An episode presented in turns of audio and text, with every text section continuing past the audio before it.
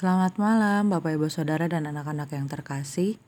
Berjumpa kembali dalam serial doa edisi hari Selasa 9 Mei 2023. Bacaan hari ini diambil dari kisah para rasul 7 ayat 60. Sambil berlutut ia berseru dengan suara nyaring. Tuhan, janganlah tanggungkan dosa ini kepada mereka. Dan dengan perkataan itu meninggallah ia.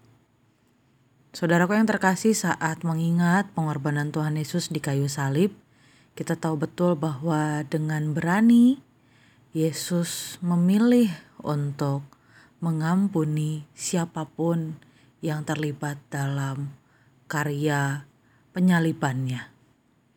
Peristiwa keji yang membuat Yesus mati di kayu salib tak membuat dia lupa siapa yang memintanya untuk melakukan itu. Ia tahu betul bahwa Allah Bapa berkehendak untuk menghadirkan kisah penyaliban agar manusia percaya kepada kasih dan pengorbanan ilahi yang ditampilkan oleh Tuhan Yesus.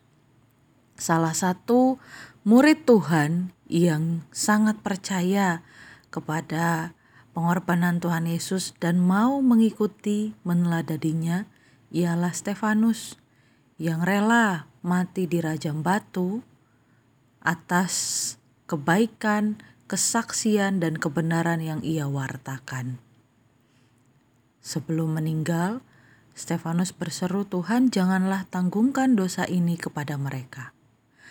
Hanya orang-orang yang benar-benar percaya bahwa Allah Bapa adalah Allah yang memelihara kita yang sanggup mengampuni orang lain dengan utuh. Setiap kita akan dimampukan oleh kasih Tuhan untuk mengampuni orang lain, karena kita tahu saat mengampuni kita tidak kehilangan apa-apa. Kita tidak merugi, justru kita sedang melakukan pekerjaan ilahi.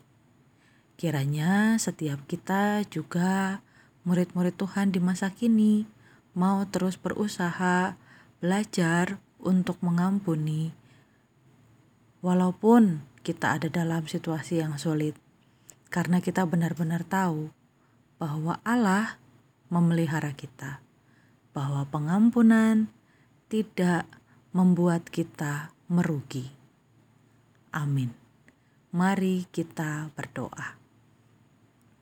Bapak Surgawi terima kasih karena kami punya Tuhan Yesus Kristus, penyelamat yang memberikan teladan iman yang begitu sempurna tentang mengampuni.